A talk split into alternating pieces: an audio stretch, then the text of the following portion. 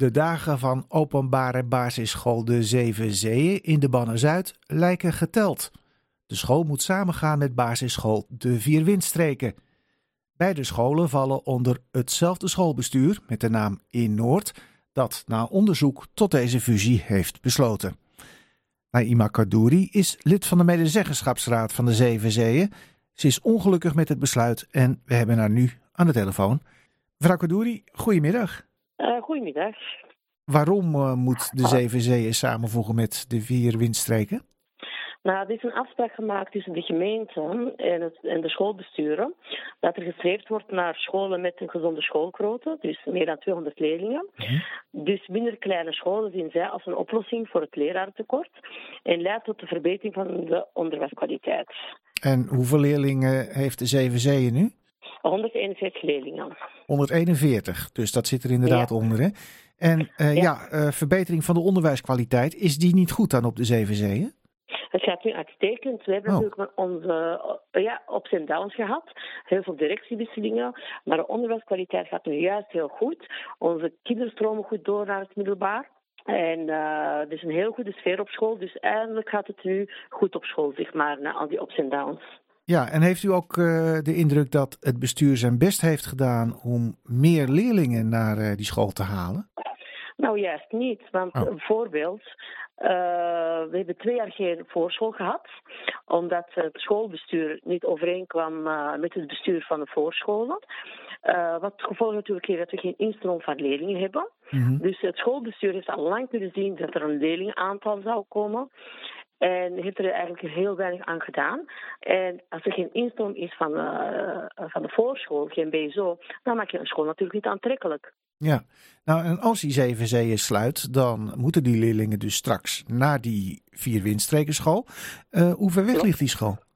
Nou, de vier windstreken ligt ongeveer op 800 meter van onze school. Een kleine kilometer dus? ja, ja. ja. Uh, de Vierwindstreek is op zich ook een grote school met 175 leerlingen. Wat betekent dat onze 150 leerlingen wordt eigenlijk een hele grote school. Ja, maar goed, uh, het argument dat u net noemde, uh, ja, schaalvergroting, dan kun je dus leerkrachten efficiënter inzetten. er is een enorm lerarentekort in Amsterdam, dat is dan toch ook wel een argument?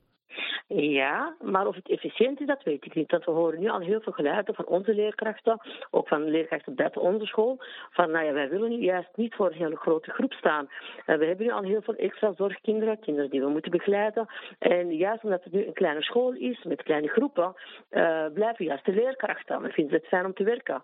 Uh, wat betekent van, stel ze moeten gaan fuseren, dat heel veel leerkrachten gaan kiezen voor juist een school buiten Amsterdam, naar kleinere groepen.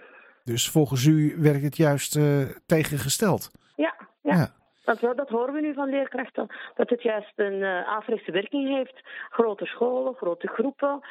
Um, heel veel extra zorgkinderen. Dus waar we nu juist aandacht voor hebben, hebben we juist daar de aandacht niet voor. En uh, krijg je juist veel uh, meer ziekteverzand van leerkrachten. En leerkrachten natuurlijk die bij het Amsterdam willen gaan werken. Ja. En zijn er nou meerdere scholen in Noord die op deze manier gaan sluiten of misschien al gesloten zijn?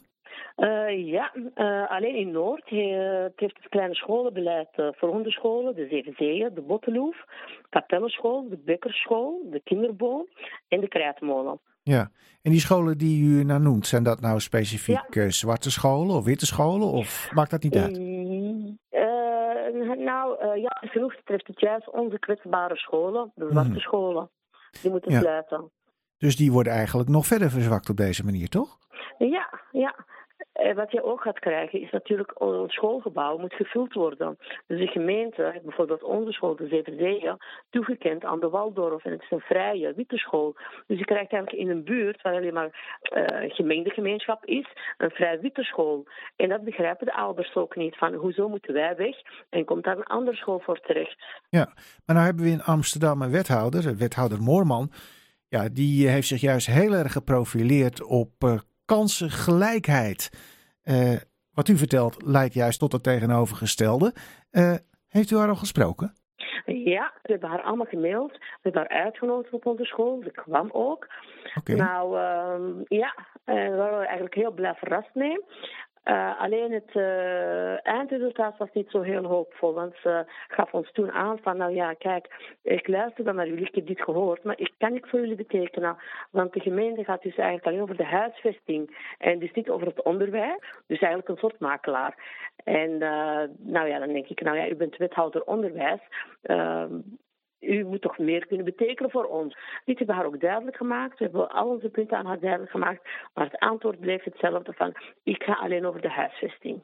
Okay. Terwijl het uh, kleine scholenbeleid eigenlijk ook iets van de gemeente is. Er is een afspraak gemaakt tussen de gemeente, dus eigenlijk de wethouder, en, het, en de schoolbesturen. Nou, het woord beleid geeft al aan hè, dat het uh, van de gemeente afkomstig is. Want, uh, ja, ja en, en haar antwoord, ja, klopt. Dus ja. we vonden het allemaal heel vreemd.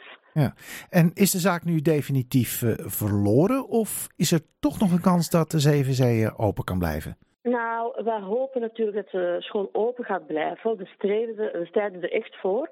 En uh, onze vraag eigenlijk is naar de wethouder, naar de gemeente toe: van laat dit even bevriezen uh, tot het kleine scholenbeleid uh, geëvalueerd wordt. Dus wij blijven doorstrijden. Ook al gaat onze school dicht, ik blijf voorstrijden voor de andere scholen. Ja, nou, mevrouw Kadouri, dank u wel en ja. succes met uw acties.